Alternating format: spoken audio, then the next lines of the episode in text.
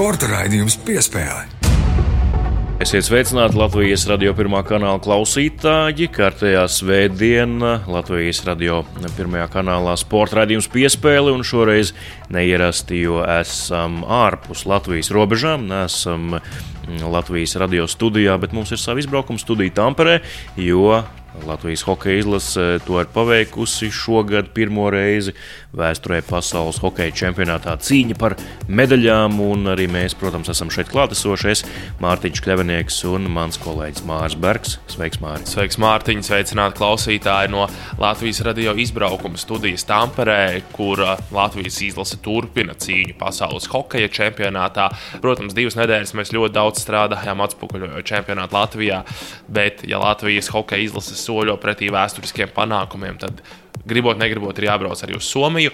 Un, protams, šo raidījumu mēs nekādi nevaram sagatavot ātrāk, esot vēl mājās. Tā gan, jo izšķirošie notikumi tieši šodien, šī ir tā svētdiena, kad Latvijas hokeja izlasēji var tikt uzkārtas kaklā pasaules čempionāta medaļas. Par to arī runāsim šajā raidījumā, proti cīņa par bronzu jau 3.20 dienā.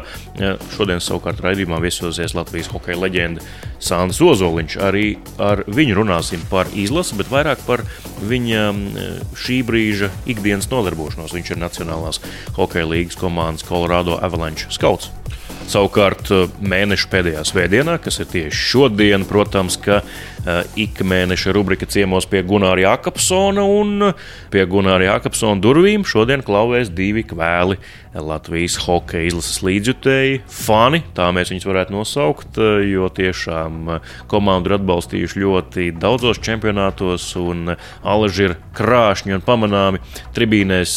Tā kā arī tā noteikti ļoti interesanta saruna, bet jau tradicionāli sāksim šo raidījumu ar iknedēļas spilgtāko notikumu topu. Nu skaidrs, ka tur arī dominēs pasaules hokeja čempionāts, bet ir arī citas norises un citi fakti, kas mums ir jāapskata. Tāpēc tūliņ jau ķeramies klāt.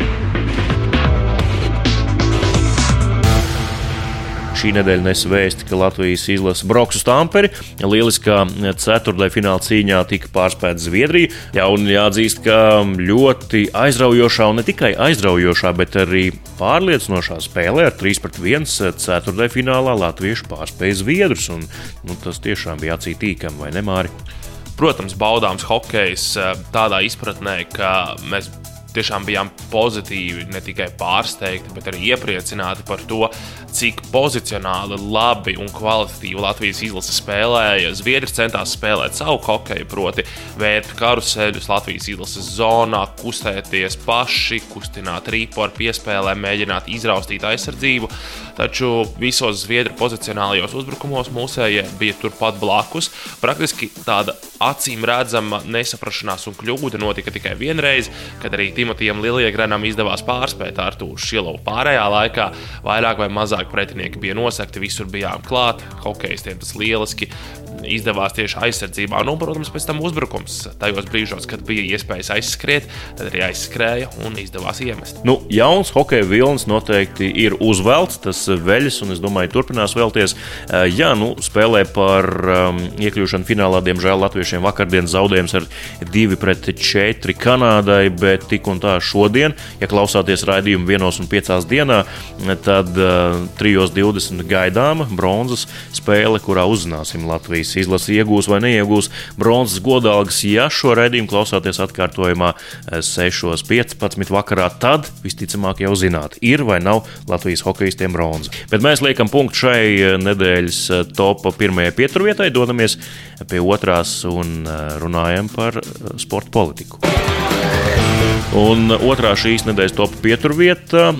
Varbūt, ka daudz nepamanīja hokeja trakumā, bet šo piekdienu notika arī Latvijas Olimpiskās komitejas ģenerālas asamblejas ārkārtas sesija, kurā bija paredzēts um, atsaukt no amata vai balsot par atsaukšanu no amata ģenerālsekretāru Kārlu Lēnieku. Tas nenotika. Kārlis Lēnieks saglabāja savu amatu, un tagad 11. jūlijā nākamās vēlēšanas, un atkal kādas pārmaiņas varētu būt līdz tam. Lēnieks vadīs Latvijas Olimpisko komiteju, Žoržs Tikmers, līdzinājais prezidents, mēs jau pagājušajā nedēļā stāstījām, mm, atkāpās pats no amata. Nu, tādi juku laiki, bet kā es sapratu no mūsu kolēģa Reņģa Grunsteņa, kurš bija šajā kongresā, tā saucamajā klātienē, tad nu, Latvijas Olimpiskās komitejas biedri neko daudz neatšķiras no citām Latvijas sporta federācijām. Citi ir kūtri, citi ir gausi, sarunas un diskusijas rit ļoti lēni. Pirmā stunda vispār tiek aizvadīta dažādās pārunās, pat nenobalsojot par eh, kongresa darba kārtību. Jā, nu, būs grūti laikam šo pārmaiņu riteni iegriezt. Jā, nu, kā mēs redzējām, arī sociālās saziņas vietnēs, gan mūsu pašu kolēģi, gan, gan arī federāciju vadītāji, starp citu, sporta veidu federāciju vadītāji, rakstīja, ka šo pasākumu brīžiem var nosaukt par tādu balagānu. Tieši tā tas tika arī nosaukts, kā jau Mārtiņš minēja, stundu nespēt vienoties un nobalsot par darbu kārtību. Manuprāt, tas ir smieklīgi. Bet eh, tā tas viss tur notika. Jā, un galu galā arī nedēļas laikā tāda acīm redzamākā opozīcija, kas ir Latvijas peldēšanas, Latvijas volejbola un riteņbraukšanas federācijas, eh, viņi arī nominēja savus eh, prezidenta un ģenerālsekretāra amata kandidātus. Jānis Buks, volejbola federācijas prezidents, tika nominēts Olimpiskās komitejas prezidenta amatam, un Ieva Zunda, bijusī vieglatlēte, kur arī darbojas Vieglatlētikas savienībā, viņa tika nominēta ģenerālsekretāra amatam. Līdz ar to šie cilvēki būs dienas kārtībā tātad uz šo nākamo ģenerālās asamblejas ārkārtas sesiju, kas tātad būs jūlija vidū. Jā, bet viņi ir piekrituši būt tādi nu, krīzes menedžeri, pārmaiņu ieviesēji, bet eh, es, cik es saprotu, ne Jānis Buks, ne Ieva Zunda vismaz pagaidām nav teikuši tādu iespējamo ilgtermiņa jā, ka viņi varētu vadīt Latvijas Olimpisko komiteju, ja viņiem šāds mandāts tiks dots. Viņi labprāt ievadītu tās pārmaiņas, un tad jau cerību uz to, ka tiks izveidota kaut kāda viena sporta organizācija Latvijā, kas pārvaldīs visu finansējumu sporta nozarei un arī mm, pāraudzīs visu šo lauciņu. Nu, teiksim tā, tikai viena konkrēta organizācija, viens finanšu kanāls un arī viens pāraugs. Latvijas Olimpiskā komiteja paliks kā viena lielā, centrālā un galvenā organizācija Latvijas sportā, caur kuru tad arī plūdīs visas valsts finansējums, kas būs galvenais partneris sadarbībā ar Latvijas izglītības un zinātnes ministriju.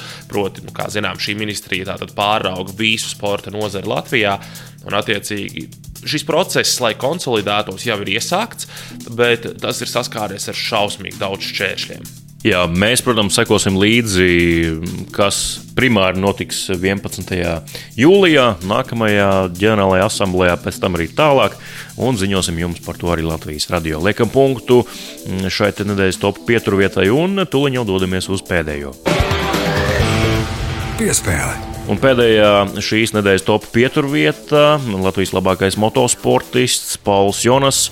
Atkal gūs traumu, un, diemžēl, diemžēl nākamajā nedēļas nogalē ķēgumā gaidāmais Latvijas eh, lielās balvas posms pasaules čempionātā viņam ies gar degunu. Tīri cilvēcīgi, Pauli, ir šausmīgi žēl. Nu, tiešām, nu, kā var tā neveikties? Tāda melnā strīpa, kā viņam ir šo sezonu, tas ir fenomenāli, kā tā var neveikties. Mēs jau smējāmies ar draugiem, eh, motocross līdzjutējiem, ka Paulam ir jāaiziet uz baznīcu un jānoliek svecīti vai jāiet pie kāda zilnieka, kas noņem lāstus, kas viņam ir uzlikti. Jo tiešām kritiens, pēc tam nobrāzumi, sasitumi, nevar startēt. Labi, pēc tam kritiens, smags treniņš, atkal jauni sasitumi, atkal nevar startēt.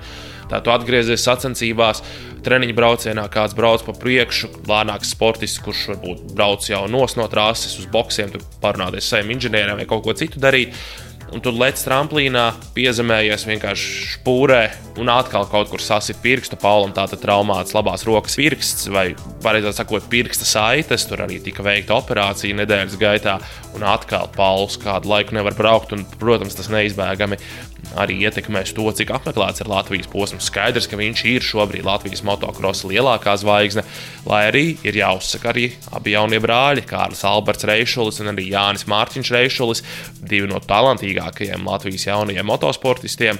Bet skaidrs, ka Pauls Jaunis šobrīd ir figūra numur viens Latvijas motosportā joprojām. Jā, un ja mēs tā tēlēni izsakāmies Paulam šosezon, varbūt vairāk traumu nekā smilšu graudu viņa motozābakos, bet varbūt nevis uz baznīcu jāiet, bet ciemos pie Matīs Karolē, pajautāt padomu, kā šādam grūtam karjeras posmam tikt cauri, jo, kā zināms, Matīsam Karo to traumu bija tik daudz, ka mēs principā viņu laikam nu, tāpēc karjeras principā asociējam tikai ar tādu sportistu, kurš bieži traumējās. Matīs ļoti ātrs bija, bet bet uh, viņam arī gadījās traumēties. Tiešām, diemžēl, Matīs uh, tādu pilno potenciālu šķiet, ka mēs tā arī nekad neieraudzījām tieši šo traumu dēļ. Viņš tā arī nekad nespēja kļūt par tādu braucēju, kā viņš varbūt arī varēja kļūt. Vismaz, manuprāt, un Paulam ir tiešām, es nezinu, kas ir jādara, bet šīs arī nav tādas traumas, kas veidojas. Tāpēc, ka tu neesi ielicis pietiekamu fizisko bāzi vai vēl kaut ko tādu. Ir vienkārši neveiksmīgas situācijas, Un tas arī viss. Nu, satraumēt rokas, pirksta saites.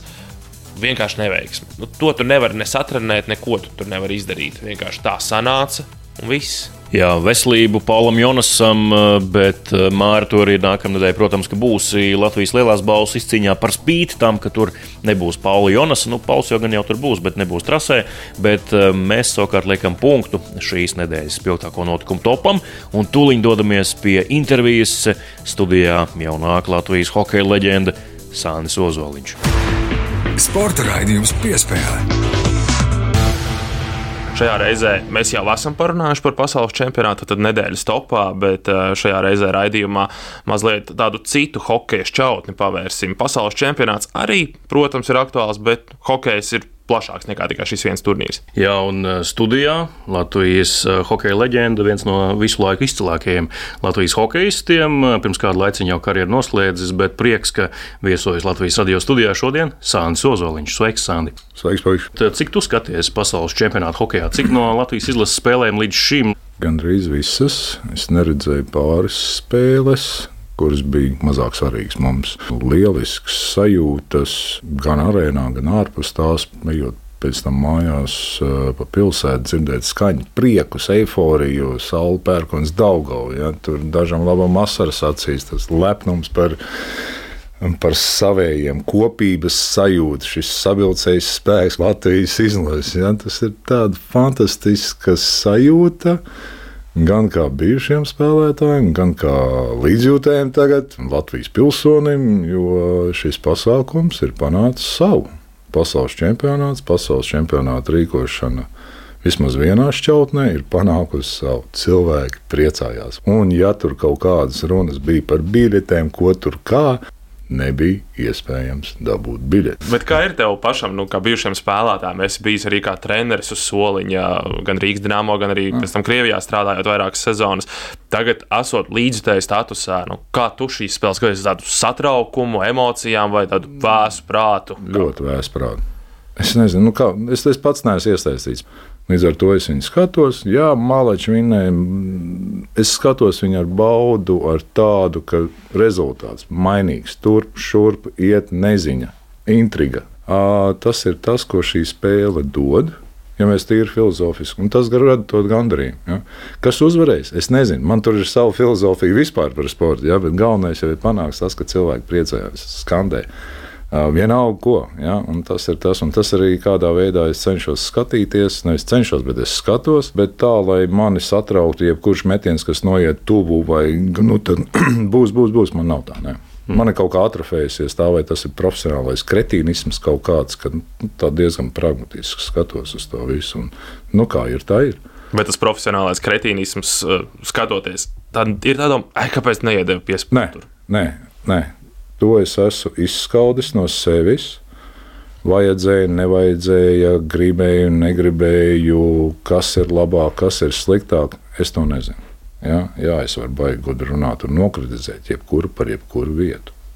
Spēles laikā par jebkuru lēmumu, par kaut ko. Ja, ja, ja tā ir vēlme atrast niķi, atrast eh, kaut kādu kritiku, trūkumus, nepilnības, to var atrast jebkurā spēles momentā. Priekš kā man skatīties to tādā veidā, priekš tam man ir mans darbs, kurus to daru, ja, un tagad savādāk. Man, man nepatīk analizēt, kur vajadzēja, kur nevajadzēja. Ai, veiksme, neveiksme, vajadzēja iemest, nevajadzēja. Klaus, Andi, tagad, kā jau mēs solījām, pievērsīsimies tai hokeja citai šķautnē, nevis ne tik daudz šim turnīram, parunāsim par to, ar ko tu pats šobrīd nodarbojies. Un zinām, ka esi Colorado Avalanche Nacionālās hokeja līgas kluba skauts šobrīd.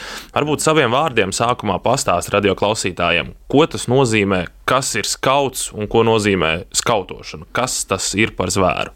Tātad skauti dalās divās kategorijās. Ir amatieru skauti un ir profesionāli skauti. Kuru tu pārstāvi kategoriju? Es pārstāvu amatieru skautus. Amatieru skautu apjoms ir lielāks, darbinieku skaits ir lielāks, reģioni ir plašāki. Nē, nu, reģioni jau tie paši noteikti ir. Šīs grupas cilvēkiem uzdevums ir skatīties spēlētājus, kuri šogad var tikt izvēlēti NHL draftā. 17, 18 gadi, kuriem ir noteiktais dzimšanas datums, noteiktais dzimšanas mēnesis, kurus varēs izvēlēties tagad, kas būs jūnija beigās draftā. Tas ir viss. Un katram tiek izdalīts savs reģioni, novadi vai nav un kas. Un tad nu, tur jau ir savu spēlētāju grupu, kuriem ir jāsako. Grūtākā daļa no tā ir redzēt spēlētāju, un pēc tam prognozēt, kā viņš attīstīsies un kādu veidu spēlētājs viņš būs pēc trīs vai pieciem gadiem. Respektīvi, tev ir jāsaskata perspektīva un viņa spēja attīstīties un pilnveidoties. Nevis kāds jā, viņš ir. Tā ir, jā, to ir grūti. Mēs nevaram pateikt simtprocentīgi, kāds šis 17-gadīgais puisis kā viņš attīstīsies. Fiziski jau varētu paredzēt pēc kaut kādiem parametriem, vai vecāku garumu, ja, vai, vai ir bijis sportiski vai nav bijis sportiski parametri, bet pēc tam psiholoģiskais.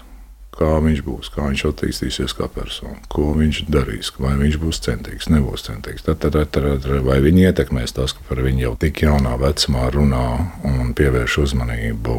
Viss kopējais uzmanība spēlētājiem šiem jaunajiem censoņiem ir arī krasi mainījusies līdz ar visu mm, tehnoloģiju attīstībām un pārējām lietām, kas arī ietekmē jaunu cilvēku psiholoģiju. Tātad tev ir jāparedz, vai izglītoti jāmin uz priekšu, kā tas varētu būt. Man bija grūti, man mācīja, man rādīja, kādas varētu būt citi cilvēki, no kuriem jau ir daudz lielāka pieredze. Tam.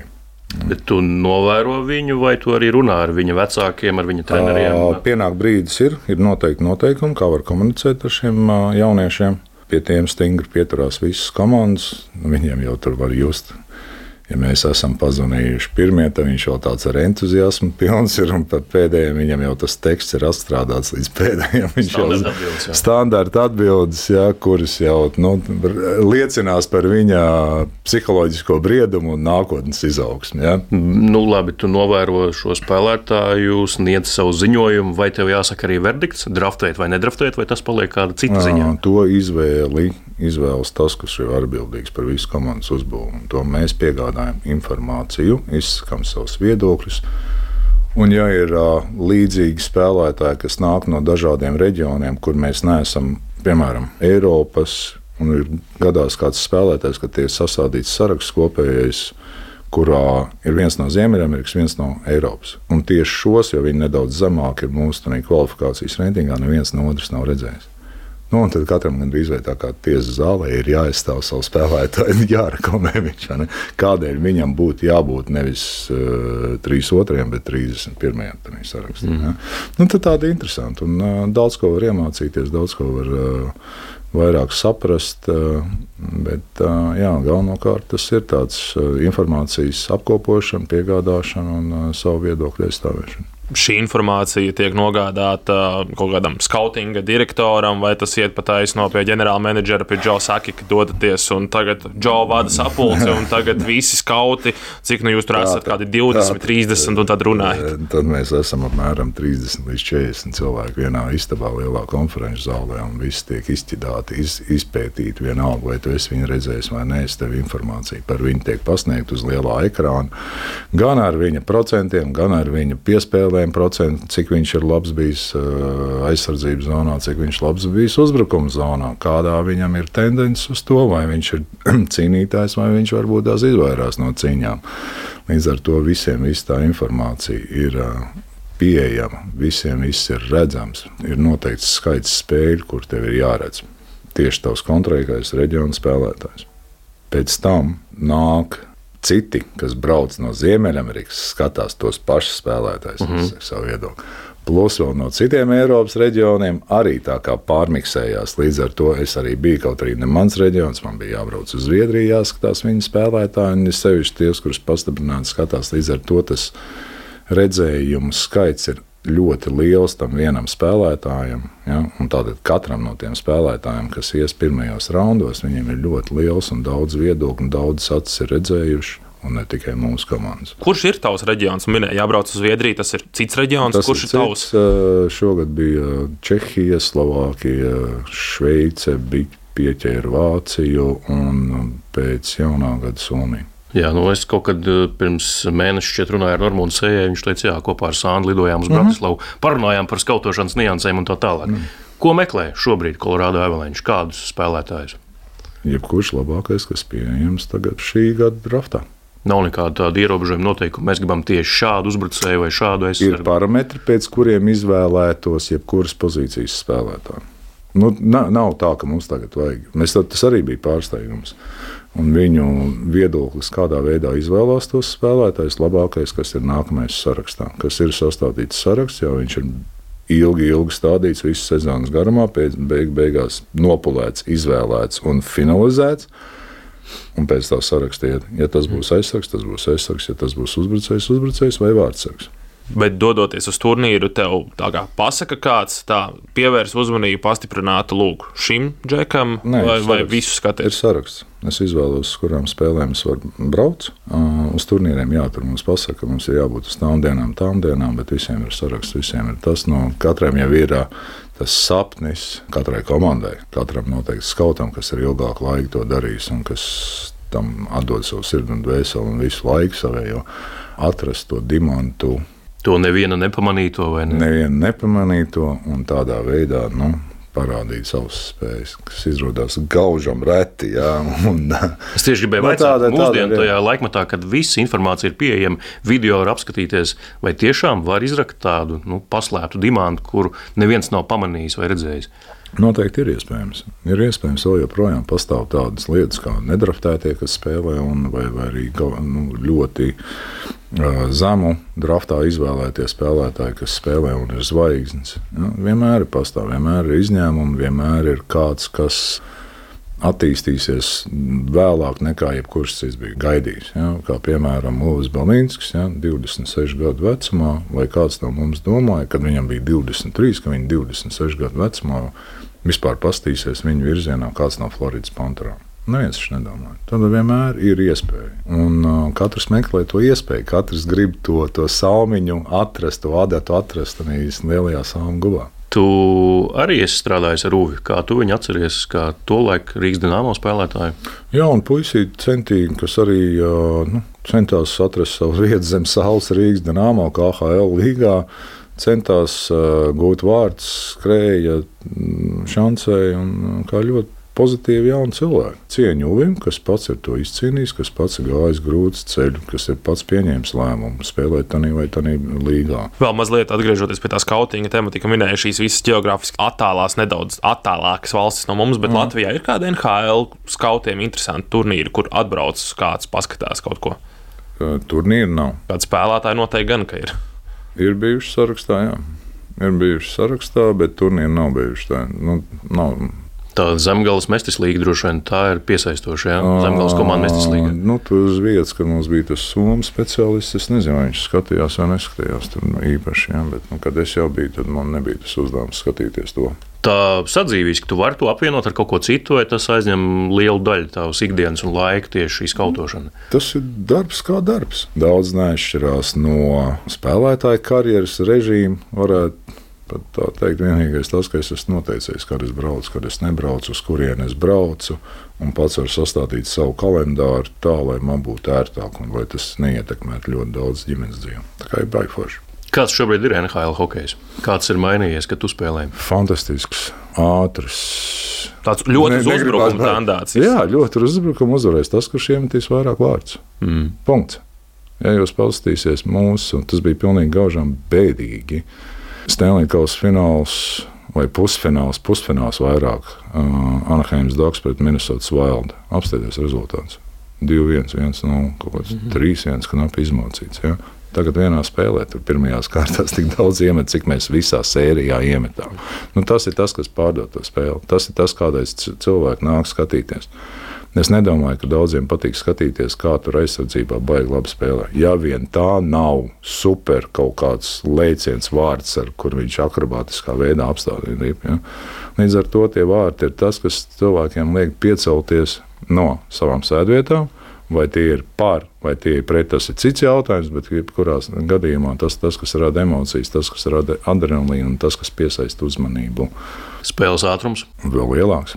Jo ir mainījušies noteikumi, nav vairāk nedrīkst aizķert, nedrīkst jebkādā veidā kavēt, jebkurā zonā. Līdz ar to daudz momenti rodas no tā, ka ir vairāk slidojums, vairāk tās kustības, un jo ir lielāks slidojums, jo lielāks ātrums, radās vairāk iespējas kļūdīties.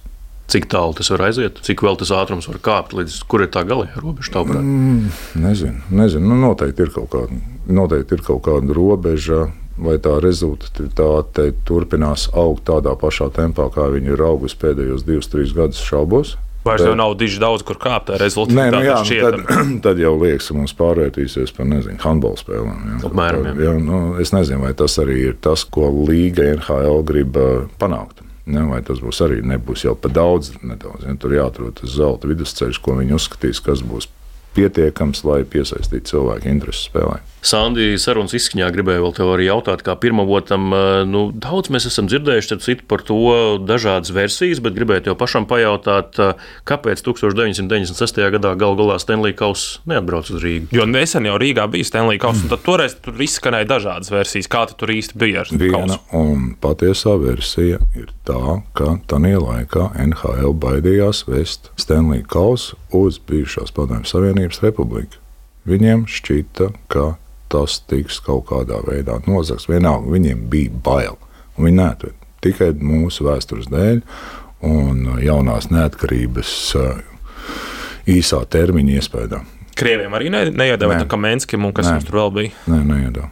Un nākamajā gadā man tā liekas, nākamajā gadā viņi izlēma, ka nu, ir pietiekami droši, ka lāči vairāk nestaigā pa pilsētas centru, ka viņi tēdu varēs dot. Man bija baigās skrobi, jo tajā pašā gadā pirmo reizi bija pasaules kausa un viņi aizveda uz Zviedriju un Vāciju. Jo mums bija Zviedrijas, kas uzvarēja, mums bija Vācijas, kas uzvarēja, un mums to Latvija tā kā nu, palaida garām. Jā, bet tas bija vien, vienīgais ģeopolitiskais stāvoklis mūsu valstī un vispār nu, tā sabiedrība, kāda tobrīd bija. Jo nu, mītu un stāstu un baumu baumu veidā tika piegādāts viņiem, kā viņi to uztver, tā viņi uztver. Drošības apvērumu dēļ netikātos. Šogad varētu būt tā, ka nu, beidzot ir vēl kāds latviečs, kurš izcīnīs mm -hmm. Stanley Kausu. Un jāsaka, tā, ja Floridas Panthers pret Las Vegas Golden Knights spēlēs finālā, tad noteikti būs kāds latviečs, kurš izcīnīs Stanley Kausu, jo Floridā ir Mārcis Krasovskis, kurš atbild par uh, digitālo saturu Floridas arēnā. Tā kā nu, iespējams, ka viņam ar kādu uh, strēķīti atradīs uz tās plāksnītes viņu uzvārdam, ja Florida triumfēs. Vai savukārt... vismaz gradzenu piešķirs, ja Florida izcīnīs titulu. Jā, jā. Savukārt, ja Vegas triumfēs, tad, to, protams, Teodors Bļūgers. Nu, ilgi gaidīts, laikam, Sandra, vai ne? Kad kāds beidzot uh, būs nu, vēl tev blakus nostāsies. Nu, tas taču ir neizbēgami, ka kāds uzvarēs. Nu, tas, tas ir tāpatās mēs hokejs iet uz priekšu, spēlētājs spēlē, un kādam būs arī tas gods uh,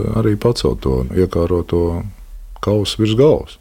Mm. Fantastiski. Tas tikai uh, dos vēl vairāk motivācijas jauniešiem. Uh, nodarboties ar šo sporta veidu un viest cerību, ka es arī kādu dienu to darīšu. Ja? Jo jebkurš jaunietis, kas sāk kaut, ar kaut ko nodarboties, viņš grib sasniegt kaut ko, ko kāds cits sasniedz. No nu, tāda man jau būs aizmirsuši. Es jau vecs onkulis, es, ja? es vairāk neredzu, man YouTube nerāda tādu rādu tediju.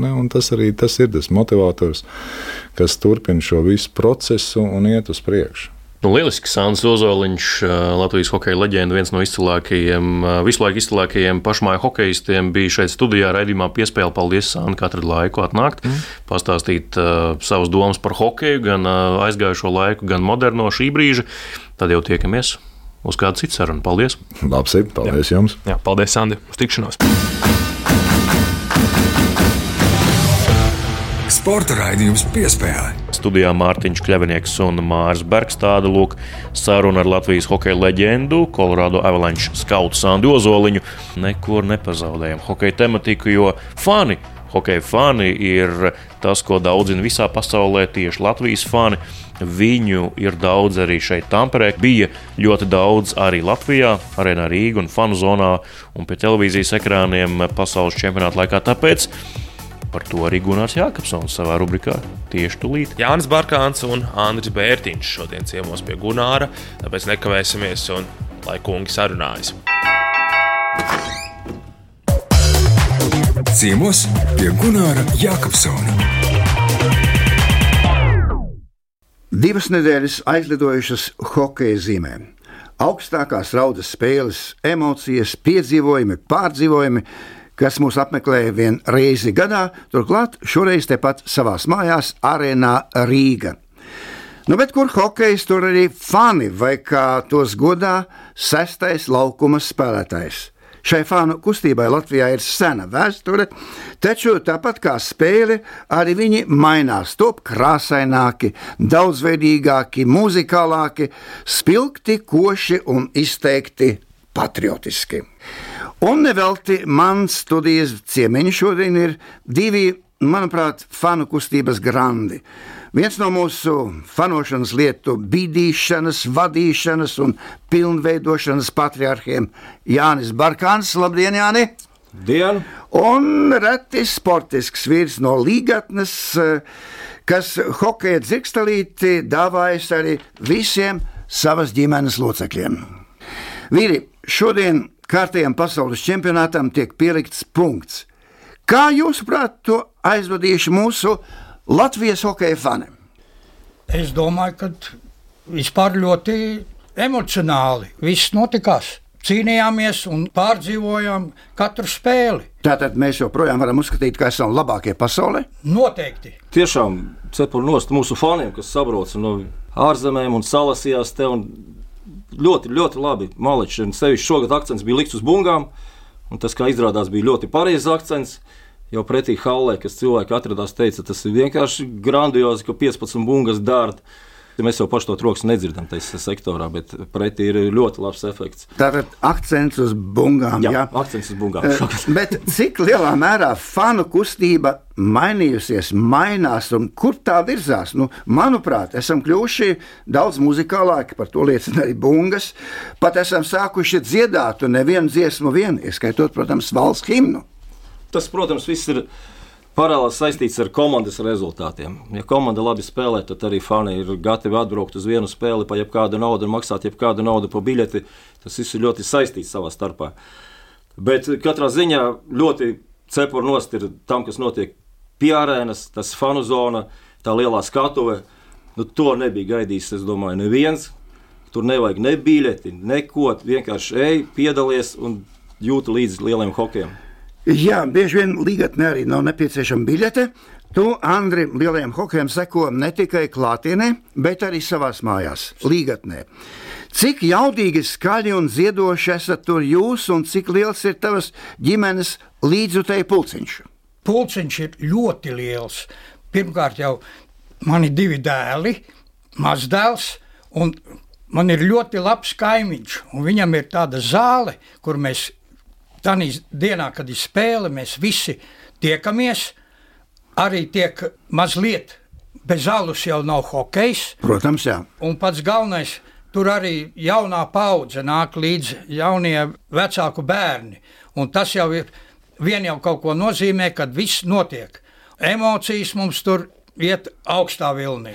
Jā, nu tavs gods un lepnums ir hokeja muzejs. Cik eksponāti apmēram ir tavā vagoniņā? Oi, nu tas ir, tā, to nu es neesmu skaitījis daudz. Bet tie ir tūkstoši. Nu, man liekas, ka ir tiešām tā mīļākie priekšmeti šajā muzejā, ko tu varētu ieteikt noskatīties. Kā saka, no desmit uh, gadiem es apmēram sevi atceros hokeja. Un atceros, Gunār, kā mēs, uh, es klausījos uh, hokeja reportāžas pierakstīju rezultātus un kas tur vārtus iemet. Un, Un līdz šitai dienai to daru. Un kā mm, šis pasaules čempionāts bagātinājis tavu muzeju? Oi, man ir mazā suvenīra nūjiņa, šaiba, Jā.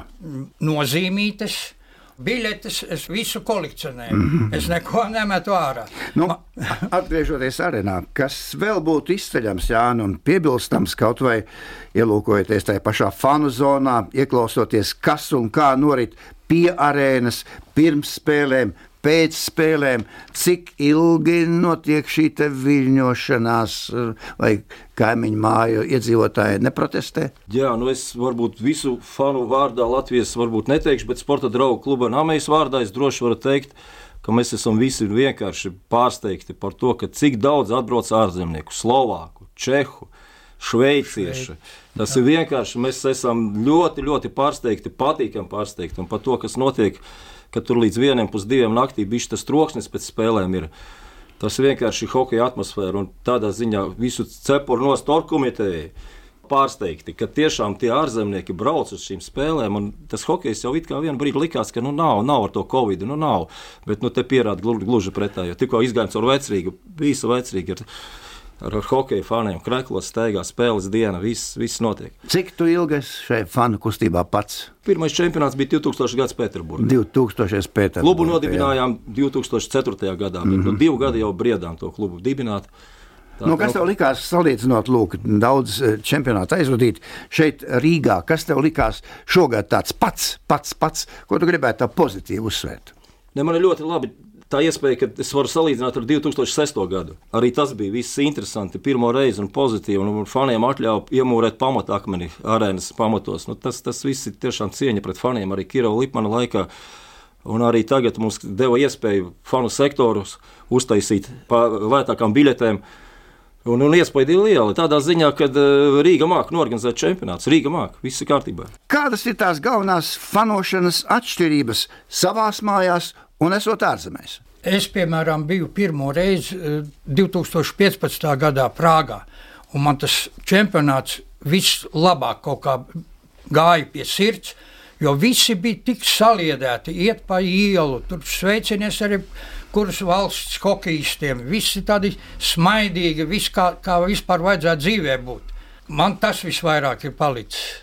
Nē, nē, no ārzemēs, protams, latvieši ir daudz attraktīvāki. Un brīvāki, brīvāki jā, jā. tādi, jā, nu te, te kā saka, darbs, spēle, bet eh, mēs ceram, mēs ceram, protams, kā Edgars Masaļskis savā laikā vienā intervijā teica, ka vai vēl tas slotas kāds izšaus, nu tad ceram arī, ka viņš Ostrā varētu izšaut, iet runa pa finālu. Jā, kaut ko zemāk. Nu, cik atceros, tad viens no mūsu kuplākajiem fanu pulkiem bija uh, ķelnē. Vai nedomājat arī par jauniem rekordiem tagad, kaut vai nākamajās pasaules meistars sacīkstēs? Domāju, skaita ziņā, skaļuma ziņā. Muzikālajā ziņā un tā tālāk. Un tā tālāk. Nē, nu, kāpēc gan nē? Nu, bet nu, tos rekordus 7, 8 tūkstoši diez vai izdosies pārsteigt, bet uh, galvenais ir tā kvalitāte tiem faniem, ne tā kvantitāte. Jo savā laikā arī brauca ļoti daudz fanu. Tādas zīmīgas epizodes bija, kad nu, agrāk bija cita sistēma, trešā spēlē rāda trījus fans guļ. Nu, tas jau ir tā. Nu, īsti īsti jēga no viņa nav. Labāk, kvalitatīvāk nekā to lielo masu. Jā, nu, ko jūs um, novēlētu mūsu izlasē? Esam jau elitē kopš 97. gada. Lūk, nākamajā pasaules čempionātā Prāgā. Fināls. Jā. Fināls. Vienreiz vajadzētu to. Vienreiz. Kāpēc ne? Tātad nākošais gads fināls. Bet sakot paldies par valsts vienības kaismīgo atbalstīšanu un hokeja atbalstīšanu vispār daudziem fanu tūkstošiem, viņu pulkā arī jums, gribas uzteikt arī čempionāta saimniekus, kas gādāja un rūpējās par šo sacensību, manuprāt, augstu profesionālu norisi, ko kuplināja. Un nebeigs kuplināt cer arī sestais laukuma spēlētājs - hokeja fani. Paldies jums un arī turpmāk sarauj!